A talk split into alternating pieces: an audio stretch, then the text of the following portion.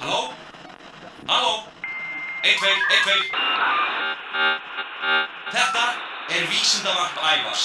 Við byrjum núna.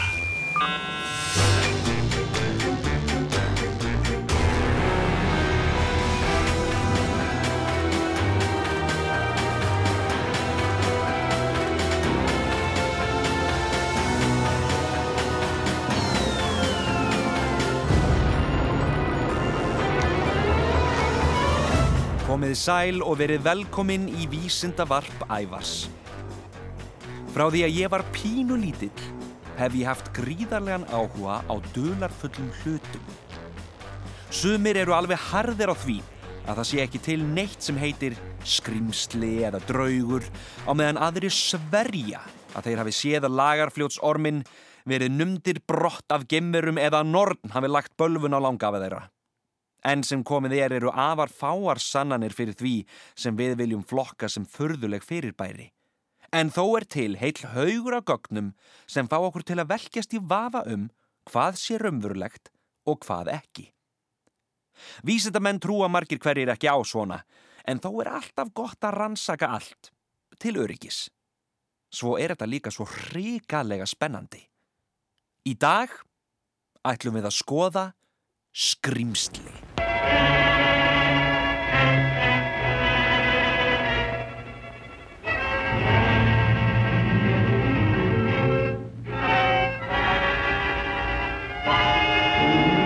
Snjómaðurinn óurlegi Ef þú hefur eitthvað tíman búið til snjókall, þá var hann að öllum líkindum nokkuð vingjallegur, jafnvel með pípuhatt. Snjómaðurinn óurlegi hefur örglega aldrei verið með pípuhatt. Við erum stött í Himalaya-fjöllunum, sem eru svo há að þau hafa stundum verið kölluð þak heimsins. Hæsta fjall í heimi, Everest, er í þessum mikla fjallgarði. Sagan segir að hér vafri um í reyðuleysi skeppna sem kölluð er snjómaðurinn óurlegi. Á tungumáli Tíbetbúa heitir hann Yeti, orð sem þýðir galdraskeppna. Snjómanninum hefur verið líst sem stórri, loðinni tvífættri skeppnu sem svipar að mörguleiti til risaapa. Sá fyrsti sem rak augun í snjómannin var gríski ljósmyndarinn N.A. Tombasi. Árið 1925 var hann hluti af breskum hópi landkunnuða á ferðum Himalajafjöllin. Þegar hann sá allt í einu glitta í skrítna skeppnu í töluverður í fjarlægð. Þegar Tombasi sá skeppnuna var hann í rúmlega fjögura og hálfs kílometra hæð. Hann segir að skeppnan hafi verið byggð eins og maður. Hún stóð upprétt og stoppaði reglulega til að róta í jörðinni í leitað æti. Hún var dökk að lit og eftir því sem hann sá best var hún nakin. Skeppnan kvarf áður en Tom Bassi náða að taka af henni mynd. Hópurinn vildi halda áfram en ljósmyndarinn var áfjáður í að komast að því hvaða var sem hann sá. Hann arkaði að staðnum þar sem skeppnan hafði verið og sá þar fótspor. Þau líktust fótsporum okkar mannana en voru aðeins sex eða sjö þumlungar á lengt og fjórir á breytt. Tærnar voru fimm. Tom Bassi fann 15 fótspor með reglulegu millibili áður en hann misti slóðina í runnaþykni. Þegar hann spurði innfætta hvað þetta hefði verið, sögðu þeir að hann hefði líklega séð púka. Tom Bassi var þó ekki sannfærður og var á tímabili farin að hallast að því að hann hefði einfallega séð aðra mannesku. Það var ekki fyrir mörgum árum setna að hann heyrði fleiri snjómannsögur og fór að leggja saman tvo og tvo. Fjölmargir hafa reynt að finna snjómannin óulega en enn sem komið er hefur engum tekista. Sir Edmund Hillary, maðurinn sem fyrstur kleif Everest fjall, fór fyrir leiðangri árið 1960 sem átt að finna dýrið en þrátt fyrir tíu mánada dvöl í fjöllunum fann hann engar haldbærar sannanir fyrir tilvist snjómannsins. Blaðamadurinn Desmond Doig var með í för og eftir 30 ára dvöl í Himalaya fjöllunum hefur hann komist að þeirri niðurstöðu að snjómaðurinn óurlegi sé að öllum líkindum þrjú dýr. Fyrsta dýrið er kallað Zú Te og er tíbeskur rauðbjörn. Hann ræðist ofta á búfénað. Annað dýrið er kallað Telma og er líklega af gibbon apategundinni. Þriðja og síðasta dýrið er Mite og mætti raun kalla það hinn raunverulega óurlega snjóman. Þetta er grimmur api, annarkort rauður eða svartur að lit og hefur fundist í yfir 6 km hæð. Það eru þó ekki allir sammála dóik og enn þann dag í dag höfum við ekki hugmynd um hvort snjómaðurinn óurlegi er til eða ekki. En ef þú skildir eiga leið um Himalaya fjöllin, þá skaltu þú samt endilega hafa með þér myndavél. Svona ef skekinnað og rækist á hann.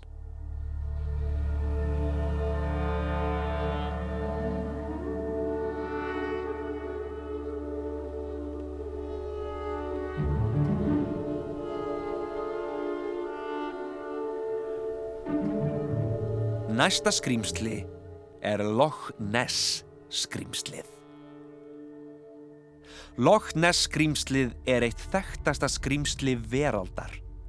Örfáar myndir hafa náðst af skeppnunni en því miður eru þar bæði óskýrar og margar hverjar falsaðar. Þær hafa því ekki nægt til að sanna tilvist skeppnunar. Loch Ness er vatn í Skotlandi, tæpir 40 km að lengt og á sumum stöðum afar djúft. Það er kallt og gruggugt og fullt af hættulugum ströymum. Það er því fullkomin felustadur fyrir skrýmsli.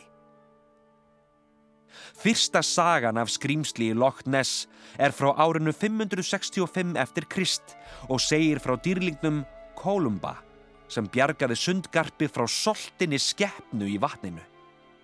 Það var þó ekki fyrir en árið 1933 þegar vegur var loks lagður meðfram Loch Ness að fyrsta tilkynningin frá okkar tímum barst. Mackays hjónin sem áttu lítið gistiheimili við vatnið ringdu í veiðivörðin Alex Campbell og sögðu frá risavaksinni skeppnu sem rúlaði um og stifti sér svo í vatnið. Campbell eitti laungum tíma við rannsóknir og sá skeppnuna oft. Hann sagði að hún hefði afar langan háls, lítinn haus og væri með stóra kripu. Þá hjælt hann því fram að dýrið væri um nýju metrar að lengt. Fyrsta ljósmyndin sem náðist af skeppnunni var tekin árið 1933. Ljósmyndarinn Hugh Gray náði mynd þar sem fyrirbærið svamlað um vatnið en myndin er afar óskýr og gæti í rauninni verið af hverju sem er. Frægasta myndin af skeppnunni, sem er kölluð Nessie, náðist ári setna og hefur verið kölluð skurðurlækna myndin. Hún átt að hafa verið tekin af Hermanni og sínir hvernig skrýmslið kíkir upp úr vatninu og lítur í kringum sig. Það kom svo á daginn að myndin var fölsuð. Árið 1975 náði neðansjávar myndavel mjög óskýri mynd af einhverju sem sumir hafa sagt að sé haus dýrsins. Leiðangursmennir heldu að þetta myndi sanna tilvist þess, en þeim varði ekki kápan úr því klæðinu. Annar leiðangur konst nefnilega því að hausinn, sem hefur verið kallaður ufsagrílan, er í raun bara tréstuppur á bólakafi. Í lok sjönda áratugarins reyndu tveir vísendamenn að finna dýrið með aðstóð nýrra sónartækja.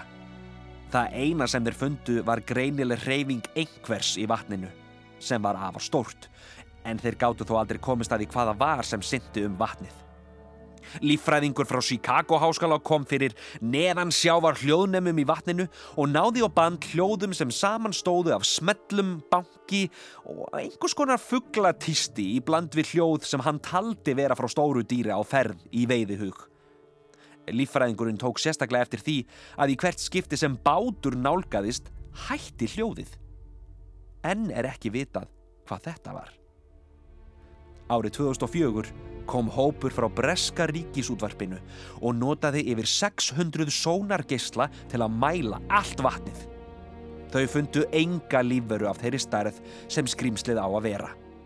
Lítill kavbátur hefur meira segja verið settur á floti í vatninu en ekkert fann hann heldur.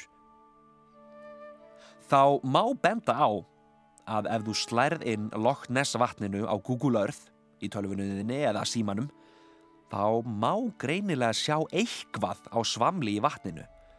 Eitthvað sem enginn veit hvað er. Við Íslendingar við eigum auðvitað okkar eigin risaorm, lagarfljótsormin. Á bæ einum á héraði við lagarfljót bjó eitt sinn ung stúlka. Hún átti gullring og að ráði móður sinnar sett hún orm ofan á gullið svo það yksi. Það fór svo að gullið ógs en það gerði ormurinn líka. Skelvingu lostin hendi stúlkan orminum og gullinu ofan í fljótið og þar eru þau enn.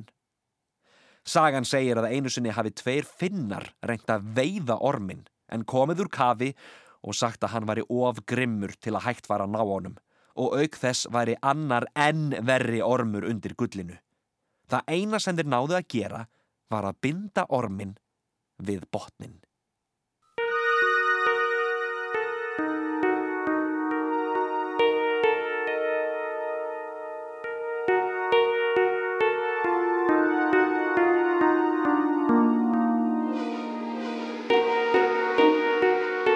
Hefur þú einhvern tíman séð draug? Í teiknumyndunum eru draugarnir hvítir, svona nánast eins og einhver hafi skellt laki yfir höfuðið á þeim. Fjölmarkir halda því fram að þeir hafi séð drauga í alvörunni og lýsa þeim þá oft sem hálgerðum öndum, að segja þeir eru svo mannverur en óskýrir á að líta. En sem komið er, eru engar haldbæra sannanir þess efnis að draugar sveimi um jörðina, en þó er maður einhvern veginn aldrei alveg viss sérstaklega þegar það fer að dimma. Íslendingar eiga mikinn þjóðsagna arf og eru margar af sögunum úr safni Jóns Árnasonar óhugnarlegar draugasögur. Sumir draugar eru nokkuð rólegir og veriðast bara vera komni til að fylgjast með þeim sem eru ennþá lifandi. Aðrir draugar eru grimmir og hættulegir, komnir til að hræða og meiða. Oftast er talað um að draugar séu fólk sem var einu sinni lifandi. Þá sveimar það um á kunnulegum stöðum, kannski í húsinum sem það bjó einu sinni í eða í gamla herbygginu sínu. Ef draugur er með mikið læti, þá kallast hann ærsladraugur. Ef ærsladraugurinn verður til vandræða, bregða sumir á það að ráða að kalla til særingamann eða prest. Hann sé svo um að hveða draugsa niður og segir honum um leið að hætta þessum látum. Svolítið svona eins og kennarar ger í skólanum ef maður er óþekkur. Á síðustu öldum hefur áhugi á draugum og miðlum aukist gríðarlega. Miðlar eru fólk sem segist geta tala við þá sem eru dánir og koma oft með skilabóða handan.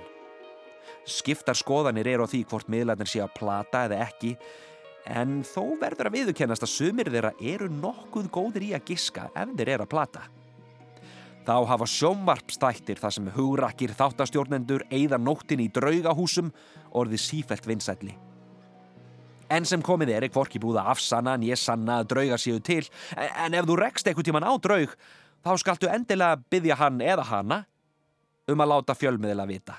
Svona bara til að taka af allan vafa.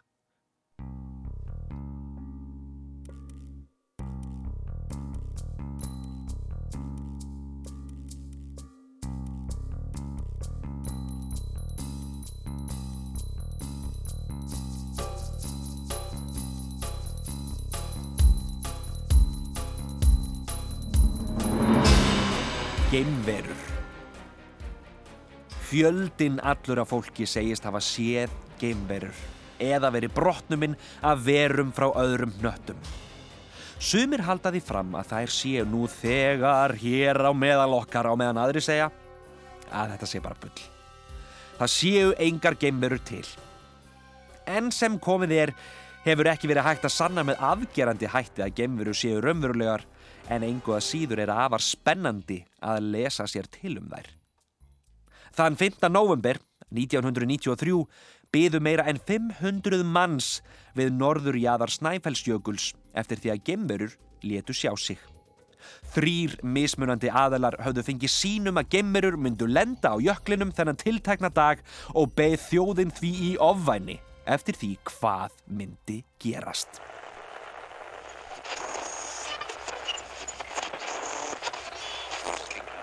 Mikill viðbúnaður enn á Snæfellsnesi, allt í kringum Snæfellsjökul, vegna fregnaðum að gameskip lendi þar í kvöld klukkan nýju. Fjölmenni hefur lagt leið sína á nesið og nú undir kvöld sagði sjónarvottur að umferðin væri orðin eins og laugaveginum í Reykjavík. Nei, þær hafi ekki sérst hérna á hellum geimverunar en þá að minnstakosti og það fer að verða von lítið. Hugsalega hefur punkterað hjá þeim við Mars. Já, ég kalla þetta alveg sérstakt og mjög ánægulegt að, að hér skuli hafa komið í kvöld í þessu ágæta veðri og í nálaði jökulsins fólk til þess að, að hittast og spjalla saman og, og njóta uh, þess að já, eiga von á geimverum eða finna kannski síðan geimverunni sjálfur sér. Þú átt enn vonaði að þeir láti sjá sig. Já, já, já. En ef þær kom ekki? Ef það kom ekki núna, þá koma það bara setna. Næst. Já. Þeir Arnar Stein Einarsson og Egil Viðarsson gerðu litla heimildamind um þennan atburð og hún heitir Gemurur og Snæfellsjökli og þessi hljóðbrót sem þeir heyrðuð voru úr þeirri mynd. Gemururna komu ekki og í frétt í morgunblæðinu morgunin eftir stóð Í dreifibrefi sem borið var í öll hús á Hellisandi kom fram að von væri á gemverónum klukkan 21.07 í gerkvöldi. Fólkið kom á jöklinum fyrir ofan Hellisand á um 200 bílum. Fyrir hópnum fór Oddvitin á Hellisandi og hafði hann umboð repsnemdar til að taka á móti gestum utan úr geimnum. Geimverurnar letu þó ekki sjá sig, þrátt fyrir að Björgunasveitin reynda leiðbina þeim með því að skjóta upp flugeldum. Fólkið fór að tínast heim þegar leið á kvöldið og allir höfðu gaman af uppákomunni þrátt fyrir kulda og jæljagang. Sunnan megin við jökulinn var hins vegar samankomin þyrping af öðru fólki, meðal annars geimveru sérfræðingum frá útlöndum og erlendum bladamönnum. Þegar geimverurnar letu ekki sjá sig, voru geimveru sérfræðingarnir sannfæriður um það að heimamennir norðan megin hefðu hrættar í burtu með látum, söng og flugeldasýningu.